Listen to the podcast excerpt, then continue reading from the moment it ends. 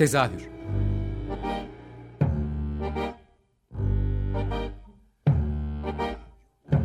İstanbul tiyatro hayatı üzerine gündelik konuşmalar. What keeps mankind alive? What keeps mankind alive? The fact that billions are daily tortured, stifled, punished, silenced, and oppressed.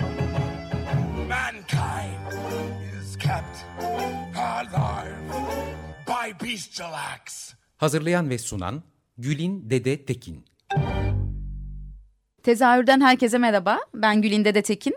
Ee, İstanbul tiyatro üze hayatı üzerine gündelik konuşmalarımızda bu defa e, yelpazeyi biraz geniş tutacağız. E, bu hafta Türkiye tiyatrosunun alternatifleşme hareketini e, ne ilk kez beyaz perdeye taşıyan bir filmden bahsedeceğiz. Bir belgesel filmden Perdesiz Sahneler. E, bu nedenle bugün konuğum Hakan Dursun. E, Perdesiz Sahnelerin her şeyi diyebiliriz herhalde şu anda. E, yapımcısı, yönetmeni ve yazanı. Doğru mudur? Evet. Hoş doğru. geldiniz. Hoş bulduk. Ee, önce şeyden bahsedelim. Ee, son 15 yıldır ivme kazanan bir alternatif tiyatro hareketi var. Ama bunun geriye dönük e, bir geçmişi de var. Öyle de söyleyebiliriz. Sizi bu alternatif tiyatro hareketi üzerine e, bir şeyler yapmaya yönlendiren şey neydi? İçinizdeki dürtü neydi? Çünkü bu zamana kadar sadece bir yanlış hatırlamıyorsam Cansu Karagül'ün bir e, tezi ve sonra kitaplaştırılan bir tezi var. Alternatif tiyatro hareketi üzerine. Ama sinemayla ilişkilendirmek e, hiç yapılmış bir şey değil. Sizdeki bu dürtü neydi? Hani bir sinemacı olarak neden tiyatro diye sorayım size. Evet. Ya bunun benim için belirgin e, birkaç tane cevabı var beni etkileyen ve bu sürece doğru sürükleyen. Birincisi ben zaten e, sinemasal anlayışım içinde de bağımsız ve alternatif tarafta durdum ve bağımsız ve alternatif sinema benim hep sinemam oldu. E, dolayısıyla e, etkilendiğim, beslendiğim alanlar sanatta da genellikle alternatif ve bağımsız kısımlar oldu. Resimde de, heykelde de, tiyatroda da. Klasik yapılar çünkü bir süre sonra zaten e, yetmemeye başlıyor insana. E, ben tiyatro yani sinemadan sonra en fazla etkilendiğim ve takip ettiğim sanat zaten tiyatro. E, işte okuldan 2002'de mezun olduktan sonra İstanbul'a geldiğimde e, İstanbul'daki tiyatroları takip etmeye başladım. Şehir tiyatroları, devlet tiyatroları. E, ama buradaki oyunlar bir süre sonra gerçekten çok birbirini tekrar etmeye, e, yapısal olarak da, üslup olarak da, metin olarak da e, birbirini çok takip etmeye, e, tekrar etmeye başladı. Ben bir süre sonra bundan hani çok bir keyif almamaya başladım. E, izlediğim oyunlar bana yeterli gelmemeye başladı. E, bu belki benim alternatif sinema ile ilgili gelişimimde de e, gelişim bu benim alternatif sinema ile ilgili gelişim haritamla da ilgili olabilir. Çünkü e, bu süreç içinde ben de daha fazla da alternatifleştim. Klasik sinemadan iyice uzaklaşmaya başladım. O yüzden klasik edebiyattan, klasik sanattan da çok uzaklaşmaya başladım. E, artık 2006-2007 yılı itibariyle ben e, şey yaptım. Yani artık bu sahnelere çok gitmiyor bir hale geldim. 2007 ile 2010 arası artık tiyatro hiç izlemedim ben. 2009-2010 yılları arasında tam tarihini hatırlamıyorum ama e, arkadaşlarım alternatif sahnelerde oyun çıkarıyorlardı. E, davet ediyorlardı hep duyuyordum gitmiyordum fırsat olmuyordu derken bir gün fırsat oldu. Gittiğim oyunları çok beğendim çok etkilendim. Bu bir ışık yaktı bende çünkü bu sahnelerde izlediğim şeyler e, bağımsız sinemanın tiyatroya geçmiş halleri gibi geldi bana. Hı hı. Bizim üst, üst, e, aradığımız üsluplar, bizim aradığımız stiller, bizim aradığımız metinler ve oyunculuk biçimlerini gördüm. E, bir bakıma şöyle bir şey geçmeye başladı içimden. Ha bizim tiyatromuzu yapıyor galiba bunlar. Hı. Yani bağımsız sahneler alternatif sahneler aslında e, oyun yapılarıyla, sahneleme yapılarıyla bağımsız sinemanın e, tiyatroya e, dönüşmüş halleri gibi geldi. Ben bunu düşünüyordum hep kendime sakladığım bir şeydi. Bu sahneleri fark ettikten sonra tabii ki bu sahnelere gitmeye başladım çok net bir şekilde. Çok fazla oyun izledim, çok fazla sahneyle haşır neşir oldum.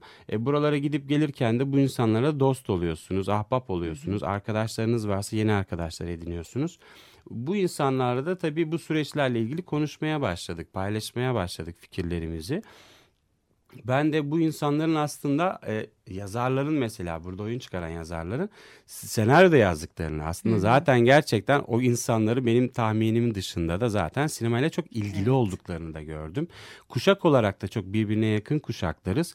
Biz nasıl e, o sinemadan çok beslenen bir kuşaksak aynı kuşak olduğumuz için onlar da öyle. Yani tiyatrocu oldukları için e, farklı değildi onlar için süreç.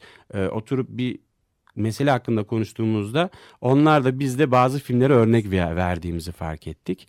Çok benzer bir Beni noktadan. besleyen iki sanat aslında. Hani Evet. Türkiye'de biraz böyle sinema sever, ti- tiyatro sevmez falan gibi bir ayrım olur genelde ama çok, birbirini çok besleyen iki sanat bu. Birbirini çok iyi besleyen, çok da e, aslında iç içe geçmiş bir şey. Yani Evet. biz sinemada oyuncularla çalışıyoruz ve sinemada sahneleme teknikleri kullanıyoruz. Yani aklıma şu an ilk Dogville geliyor mesela. Yani Dogville sinemada tiyatronun en güzel örneklerinden biridir. Evet yani ama işte mesela e, birbiriyle çok birebir ilişkili aslında çok yakın ilişkili olan bu iki sanat gene çok fazla az örnek vermiştir. Ee, işte sebeplerden bir tanesi buydu. Yani ben kafamdaki sinemasal ve sanatsal yaklaşımlara çok yakın şeyler gördüm. İkincisi de sürecin içine girdiğimde gördüm ki e, yaratıcı süreçleri içinde çok da zorluk çekiyorlar. Ee, çok da nasıl diyeyim yalnızlar, çok da bağımsızlar, çok da avantgardlar, çok da yenilikçiler. Hepsi böyle çok çekici oldu. Hem dostluğuma binaen hem şahit olmamdan kaynaklanan bir şey oldu ve bu beni e, dürtmeye başladı. Bu dürtünün peşinden gitmeye başladım. Yani bu biraz aslında şöyle bir şey. E, Martin Scorsese'nin işte bir caz belgeseli yapması gibi bir şey. Bazen dramatik bir hikaye yazıp onun filmini yapmazsınız. Yani bazen e, çok hoşunuza giden, bazen beslendiğiniz, bazen ilgi duyduğunuz, bazen anlatılmasının gerekli olduğunu düşündüğünüz şeyleri e, seçersiniz. Ben mesela e, önemli bir sanatsal hareketin var olduğunu, neredeyse diğer alanlarda hiç olmayan, yani müzikte, resimde şu anda bir, bir adı konabilecek bir sanatsal hareket yok mesela bu dönemde.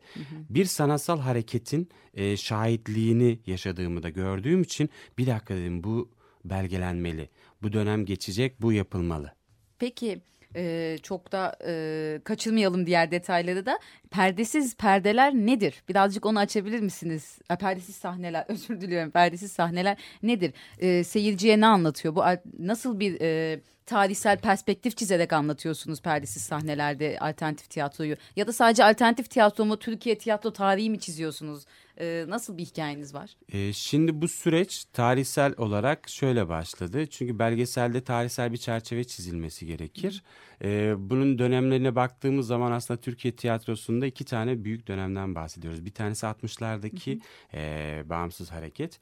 İkincisi de e, 80 darbesinden sonra yaşanan e, süreç. 80 darbesinden sonra yaşanan süreçte 5 tane önemli tiyatro e, grubu sahnesi önemli bir hareket yapıyorlar. E, işte Şahika Tekant, Maya Günşiray, Bilsak Tiyatro Atölyesi gibi. E, 80'lerde başlayan bu hareket 90'lara aktarılıyor. Yeni oluşumların ortaya çıkmasına sebep oluyor. 90'lardan da 2000'lere evriliyor ve O 2000 90-2000 arası biraz daha sakin ve dingin Evet geçen bir dönem. 90'larda yani 80'lerde başlayan hareket 90'larda bir duruyor. Evet duruyor. O durgunluk da biraz şeyle de hareket sağ kazanıyor aslında ama yine de ciddi bir durgunluk var. İşte tiyatro festivali biraz dinamizm katıyor ama neredeyse tiyatro festivali dışında hiçbir şey yok. Hiçbir şey yok. Evet. 2000'lerin başından itibaren belki milenyum e, kuşağı ve onun getirdiği bir ivmeyle 2001-2002 yılları itibariyle çok fazla küçük tiyatro, çok küçük gruplar çıkmaya ve özellikle Maya sahnesinde bunlar Evet. topluca sahne almaya falan başladılar. E, 2004-2005 yılları da DOT'un önemli bir ivme kazandırarak Garaj İstanbul'un da keza aynı Garaj şekilde. İstanbul ve DOT'un Türkiye'ye işte In Your Face gibi dışarıdan gelen stilleri de uygulayarak e, black box yapılarda yeni uygulanabilir, değiştirilebilir, hemen sahneye taşınabilir. Küçük oda sahnelerde birçok oyun koymasıyla ve bunu da izleyen diğer grupların da işte e, gaza gelmesiyle diyelim e, bir sürü grup çıktı ve 2005'lerden itibaren çok ciddi bir e, güçlene gibi. güçlene güçlene günümüze kadar geldi ve günümüzde işte 80 90 belki e, 100 tane varlığını sürekli devam ettiren Yani gruba Kadıköy'de 30'lar 30'dan fazla var Onu biliyorum mesela. Tabii. Ben sadece Kadıköy bu, bu bildiğim. Mesela Kadıköy, Beyoğlu diye ayırabiliyoruz ama aslında çok İstanbul merkezli Evet, bir şey. evet. Ee, bizim bu film yapım sürecinde aldığımız birçok e-mail ve iletişimden e, bir, duyduğumuz, anladığımız kadarıyla da e, çok sayıda da şey var aslında. Anadolu'da da çok fazla alternatif grup var. Biz de varız, biz biz de buradayız, biz de sahneye çıkıyoruz, biz de şunları yapıyoruz diye bizimle iletişime de çok geçen Hmm. grup oldu. Ee, isterseniz şimdi kısa bir şarkı arası verelim. Arkasından tekrar devam edelim. Ee, perdesiz sahnelerin zaten sorulacak daha çok sorusu var. Peki. Ee, birazdan görüşmek üzere.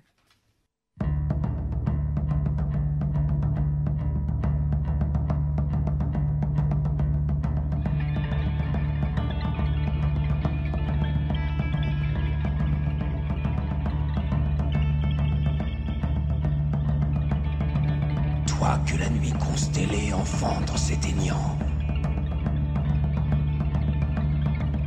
Toi dont la nuit endort les feux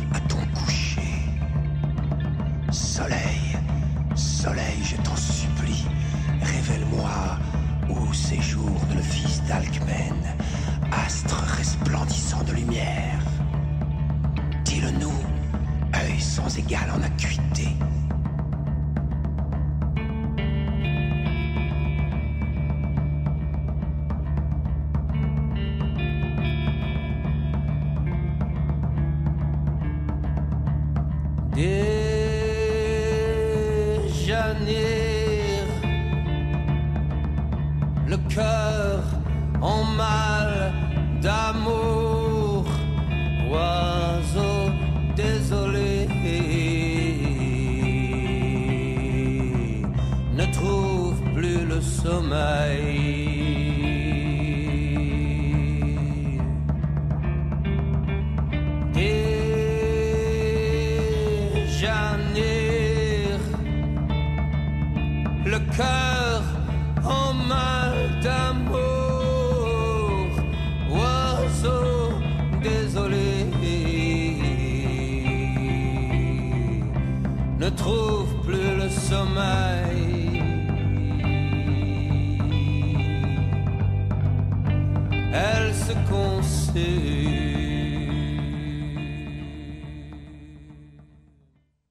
Tezahürden tekrar merhaba. Hakan Dursun'la e, perdesiz sahneleri konuşmaya devam ediyoruz. Perdesiz sahneler alternatif tiyatro hareketi üzerine yapılmış e, bir ilk belgesel diyelim.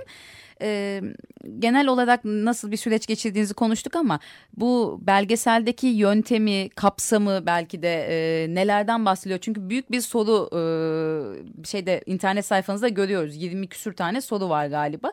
Eminim ki o çok daha fazla sorudan elinerek oralara gelmişti ve geniş bir perspektifi de var soruların. Nasıl bir yöntemle çalıştınız? Onu bir sormak Hmm, istiyorum. Nasıl bir yöntemle çalıştık? Şöyle aslında ben sonuçta tiyatrocu değilim. Dolayısıyla bir e, bu konuda bir belgesel film yapmam için ciddi araştırma yapmam gerekti ki araştırma 4 yıllık bir süreçte e, sürece yayıldı. Bu süreçte hem insanlarla konuştum hem aslında okuyabileceğim şeyleri aradım. Çok da fazla bir şey yokmuş bu arada okuyabileceğim bir şey. Çünkü basılı bir materyal yok, film yok, bir şey yok. Ee, insanların tanıklığı üzerinden çok yürüdüm. Dolayısıyla her zaman bir yanımda defterim vardı. Sürekli bir şeyler karaladım. Ha öyle dedi. Bunu not aldım. Şu böyleymiş diye. Yakınlıklar üzerinden Tabii biraz. ki Hı hı. aslında tanışıklıklar üzerinden, yakınlıklar üzerinden, şahitlikler üzerinden not alarak ilerledim biraz. Ee, tabii ki tarihsel süreçle ilgili bazı datalar vardı. İşte mesela e, tiyatro oyun evinin işte yaptığı oyunlar, işte tiyatro festivalindeki yaptığı şeyleri göre, internetten girip görebiliyorsunuz ya da Şahika'nın oyunlarını görebiliyorsunuz gibi şeyler de vardı ama günümüze dair olan şeyler ya da 2005-2007 gibi de- yakın tarihe ait şeyleri çok fazla bulamıyorsunuz. Anlatılıyor size şöyle bir oyun vardı, şöyle olmuştu diye. Açıkçası hem biraz benim tiyatro ile ilgili bilgim genişledi bu açıdan araştırma yaparken. Eee, buradaki hem stilleri hem yapılan şeyleri gördüm. Hem de e, bunlar olurken de sorular yavaş yavaş ortaya çıkmaya başladı. Türkiye'deki birçok sanat ortamında olduğu gibi tiyatroda özellikle tiyatroda çok daha belirginmiş bunu da gördüm. Kavramların havada uçuştuğunu gördüm. Yani kavramlar hep kullanılıyor ama isteyen istediği gibi kullanıyor. Yani biraz içi boşaltılıyor kavramları. İçi boşaltılıyor e, ya da kendisi farklı şekilde doldurabiliyor içini ama şöyle bir şey var. e, gördüm ki herkes aynı şeyden bahsediyor ama farklı şekilde bahsediyor. Ve kendi yordamında bahsediyor. Oysa ki sanatta temel kavramlar temel bir şekilde açıklanır ve bilinir. Bir konsorsiyum vardır yani. Bu konuda bir konsorsiyum oluşmalı diye de düşündüm bir yandan. Çünkü kitabı da yok ki hani bir referans gösterebilirsiniz bir yerden. Dolayısıyla e, kavramlarla ilgili sorular ortaya çıktı.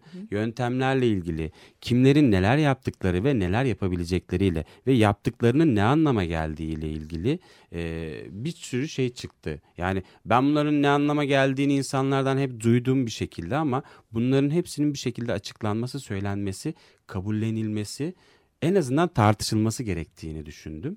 E, sorular bu yönde oluştu.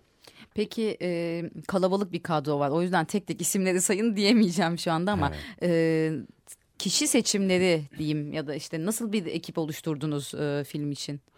Kişi seçimleri şöyle şimdi e, yani hakikaten sadece bir tane iki tane oyun koyduktan sonra ömrü çok kısa olup kapanan tiyatro grupları da olmuş. E, ya da işte beş tane oyun çıkarsa da aslında çok nasıl diyeyim e, çok kısa süreli olarak bunu hayata geçirmiş gruplar da olmuş. Çok uzun süredir var olan inatla oyun çıkarmaya e, işte bu eserleri ortaya koymaya çalışan gruplar da olmuş. Açıkçası araştıra araştıra. Temelde benim zaten bu araştırma süreci 2010 ile 2015 ar- 2014 arasındaki araştırma süreci içinde çok yakın ilişki kurup belirlediğim çok temel gruplar vardı. Sürekli gözlemlediğim ve gerçekten bu kişiler bu belgeselin içinde olmalı dediğim e, kişi, e, gruplar ve kişiler vardı. Çok önemli kişilerdi bunlar. Biraz onlardan da onlara da sordum. Yani böyle bir yapı kuruyorum, e, böyle bir şeyi merak ediyorum. E, kimi önerirsiniz diye öneriler de aldım. Sonuçta tiyatrocu olmadığım için ve herkesi takip edemediğim için biraz öneriler önerilerle gitti ama filmdeki kişilerin önemli bir kısmı da aslında benim gözlemleyip sahnesinde oyun izlediğim, takip ettiğim ve e, bakış açılarına, manifestolarına, düşüncelerine, duruşlarına o açıdan inandığım, en azından gözlemleyebildiğim gruplardı. Peki e, biraz böyle kişileri ben tercih ettim diye konuşuyorsunuz ya şeyi merak ediyorum. Filmi izlediğimizde çok öyle hissetmiyoruz ama bir taraf var mı filmde? Yani siz e, kulum tiyatrosu da var e, ama yani ağırlıklı olarak alternatif tiyatrolar var. Hani siz bunlar arasında bir tarafta duruyor musunuz yoksa tamamen tarafsız bir film yaptım diyebilir misiniz? E, Yani aslında yönetmenin eserine karşı bir tarafı olamaz. E, çünkü o çok kişisel bir meseledir ve o kendi tarafındadır. E, eserin içindeki durumlar işte aslında ikiye ayırıyoruz temel olarak konvansiyonel ve bağımsız alternatif kısım diye. Ben başında da söylediğim gibi alternatif bağımsız kısımdan besleniyorum ve aslında orada duruyorum gönülde. Ama e, bu araştırma süreci benim orada duramayacağımı söyledi bana oluşum sürecinde ve dedi ki e, yani oluşurken beni şuraya sürükledi. E, tiyatronun temelde bir sorunu var. Bir anlatma, kendini ifade etme. Yani bu şekilde kendini ifade etme, e, birlikte olma, aynı masada olduğunu, birlikte hareket ettiğini söyleme, bunu fark etmeyle ilgili bir eksiği de var aslında. O yüzden e, belki de birleştirici bir şey olmalı. Bu nedenle alternatif tarafta durduğun zaman kurumla ilgili bir eksiklik yaşayabilirsin gibi bir fikir de oluştu bende. O yüzden e, son birkaç yıl içinde e, kurumun da çok önemli bir noktada projenin içine girmesi gerektiğini düşünüp kurumu da projenin içine soktum açıkçası. Ama Türkiye'deki birçok kurumlar çok temel olarak e, bir e, protokol yapısına sahip oldukları için bütün kurumları açıkçası bütün e, kalabalığıyla giremediler. İlişki kurabildiğim işte devlet tiyatrolarından, şehir tiyatrolarından, e, özel kurumsal tiyatrolardan ilişki kurabildiğim kişiler girebildiler projeye.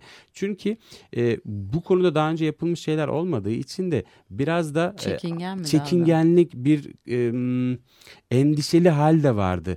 Bizi anlatacak ama doğru mu anlatacak, yanlış mı anlatacak gibi bir çekinme hali de vardı. Söylenen şeyler, e, ya daha doğrusu bazı şeylerin söylenmesi gene ertelenmek de istiyordu. Biraz da benim ısrarımla oldu. Peki tam bu noktada şeyi sorabilirim belki. Ee, çok fazla kestiniz muhtemelen yani yapılan onca Evet, soru soru karşılığında Ee, sansür yani oto, otosansür uyguladınız mı? Ee, bir sansür olması gerekti mi sizce bu filmde? Yani tam doğru yere doğru Evet. konuya parmak basabilmesi adına belki ya da başka bir sebeple ama bir sansür olması gerekti mi? Ee, şöyle bir şey. Sansürün iki tane tanımı var aslında benim için. Bir tanesi Türkiye'de biz sansürü gerçekten e, sansür dediğimiz zaman hemen böyle kapalı kapılar ardında böyle karanlık adamlar gelir gözümüzün önünde. Rütük geldiği için Evet, genelde. sansür budur bizim için. Yani bir faşizan, bir devletin, bir kurumun, bir, birilerinin yaptığı bir şeydir. Bu bir şey. Ben bu kısmıyla ilgili değilim. Çünkü zaten bu kısmı biliyoruz. Ben aslında evrensel anlamda bir sansür kavramıyla ilgiliyim. O da zaten şöyle bir şey. Sanatta sansür olmaması mümkün değil. Çünkü siz bir şeyi seçtiğinizde seçilmeyen şey sansürlenmiş olur Evet. otomatikman.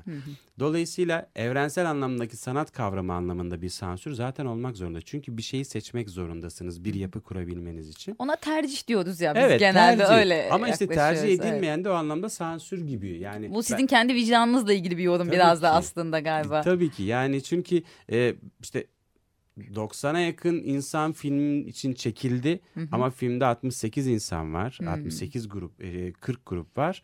Yani e, şimdi olamayanlar e, bazıları bu arada şeyde yani talihsizlikler de yaşadık bağımsız si- sinemanın talihsizlikleri. Bazı görüntüleri kaybettik çünkü bu süreçte. E, bazıları işte ses kayıtları iyi olmadığı için gerçekten çok kötü ses kayıtları olmuş. Dijital olarak fark edemediğimiz, çekim sırasında fark edemediğimiz bir şeydi.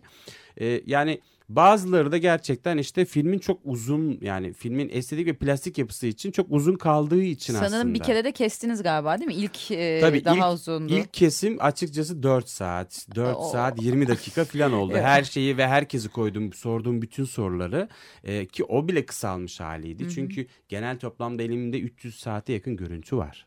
Ya bu bundan 2 saatlik Onların bir film çıkması de gerçekten. evet çok zordu Tahmin deşifresi de. ediyorum. Yani aylarımızı aldı. Çok oldukça zorlu bir Belgesel yapmanın diğer zorluğu da bu galiba. Evet. Sinemadan Dolayısıyla farklı zorluğu. bir sansür anlamında bir sansür yok. Bir, bir san- zaten sansüre karşıyız. Filmin sorduğu sorulardan biri de bu. Sansür sorulardan biriydi yani. İşte sizi nasıl etkiledi ve bu üretimin neresinde duruyor diye sormuştuk mesela. Ben de seyirciye ne düşündürtmek istiyor sizce bu film diyecektim ama zaten siz biraz açtınız o konuları da sansür de bunlardan biri. Peki benim bir takıldığım nokta da şu. bundan yani o filmi izlediğimizde görüyoruz. Üç sene yani iki, iki sene önce yapılmış konuşmalar da var. Ama bazı kişiler işte şey de diyebilir mi sizce ya da tam açıklayamadım kendimi ama iki senedir iki sene içerisinde benim zaten bu ülkedeki bir sürü şeye bakışım değiştiği gibi tiyatroya bakışım da değişti. Yani e, ama bakıyorum çok yeni bir oyunun görseli de var hani e, film içerisinde. Sizce güncellikle ilgili bir sıkıntı yaşar mısınız bu konuda?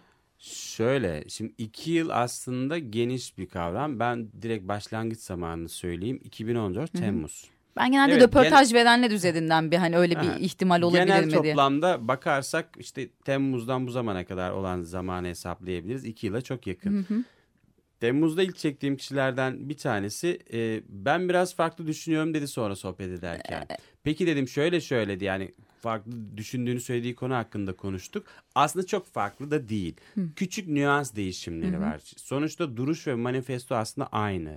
Sadece küçük hani kişisel e, nüans değişimleri var. O anlamda güncel e, olduğunu çok düşünüyorum çünkü e, yani sosyal medyadan da güncelli yani bir trailer yayınladık. Binlerce insan izledi. Biz beklemediğimiz çok büyük bilgiyle karşılaştık.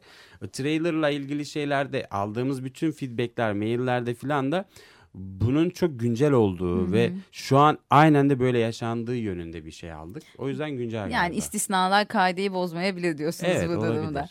Peki son olarak kalan vaktimize şeyi sorayım. 28 Mayıs'ta premierini yaptı belgesel ve e, bundan sonra seyirciyle nasıl buluşacak? Biraz ondan bahsedebiliriz. Bundan sonra şöyle bir yolculuğu olacak. Ankara'da e, Beliz hocamızın e, Dil Tarih Coğrafya Fakültesinin başındaki Beliz hocamızın Beliz, Beliz Güç Bilmez e, organize ettiği yapı kurmak istediği bir yapı var. Orada da bir Ankara galası yapılacak. O daha şu an oluşum aşamasında. Tam nasıl olduğu sosyal medyadan bildireceğiz bütün dostlarımıza. Onun dışında e, uluslararası tiyatro festivallerini e, dolaşacak. Dünya dolaşımına başlayacak. Uluslararası film festivallerini dolaşacak film. E, çünkü aynı zamanda yani film aslında benim için yani bütün bu konuştuklarımızın dışında şöyle bir tanımı da var benim için aslında. Türkiye'nin son 30 yıllık yakın tarihine aslında tiyatronun penceresinden sahnesinden bakan bir film benim için bu. Hem bizim tarihimizi, kişisel tarihimizi anlatıyor. Hem tiyatro tarihimizi anlatıyor. Hem insanların yaşadığı süreçlerle ilgili kişisel tarihleri de anlatıyor. O yüzden e, mesela Sundance'e gidebilirsek Sundance'de Türkiye'nin yakın tarihini anlatan tiyatro penceresinden de olsa onu anlatan bir belgesel film olarak da görünmesi benim için önemli. O zaman biraz seyirci festivalleri kovalayacak Türkiye'de de hani yurt dışında da bunu izleyebilmek adına diyebiliriz galiba şöyle diyebiliriz çok yoğun bir ilgi var ve e, bu galamızı kapasite olarak da aşmıştık zaten ve ilgi hala da devam ediyor. İkinci bir gösterim İstanbul'da yapabiliriz, düzenleyebiliriz. Onu da duyuracağız. İzmir'de de ilgi var. Belki o da olabilir. Aslında süreç gösterecek. Yani Türkiye'de tahminimce en yakın şu anda e, Adana Altın Koza'ya da İF Bağımsız hı hı. Filmler Festivali görünüyor. Bakalım başvuracağız. Ee, Facebook ve Twitter sayfanızdan takip edebilirler size herhalde. Facebook, Twitter, Instagram Insta. bir de kendi internet sayfamız var oradan takip edebilirler. Ee, çok teşekkür ederim geldiğiniz için. Gerçekten hem tiyatro tarihi adına hem de alternatif tiyatroların gelişmesi adına e, oldukça etkileyici bir film olacak diye e, ben gerçi izlediğim için olduğunu söyleyebilirim. Heyecanla bekliyoruz. E, mutlaka tiyatro ile ilgili herkes de gen, daha geniş bilgilere sahip olmak adına izlemeli diye düşünüyorum. Hani sinemanın dışında tiyatro meraklıları da. Ee, tekrar teşekkür ederim. Ben de çok teşekkür ederim. Sağ olun. İyi akşamlar. İyi akşamlar.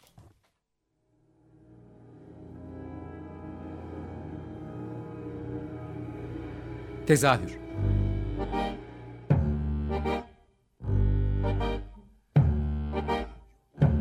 İstanbul tiyatro hayatı üzerine gündelik konuşmalar. What keeps mankind alive? What keeps mankind alive? The fact that billions are daily tortured, stifled, punished, silenced, and oppressed.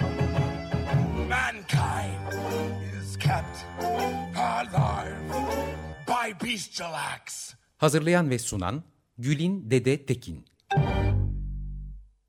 Açık Radyo program destekçisi olun.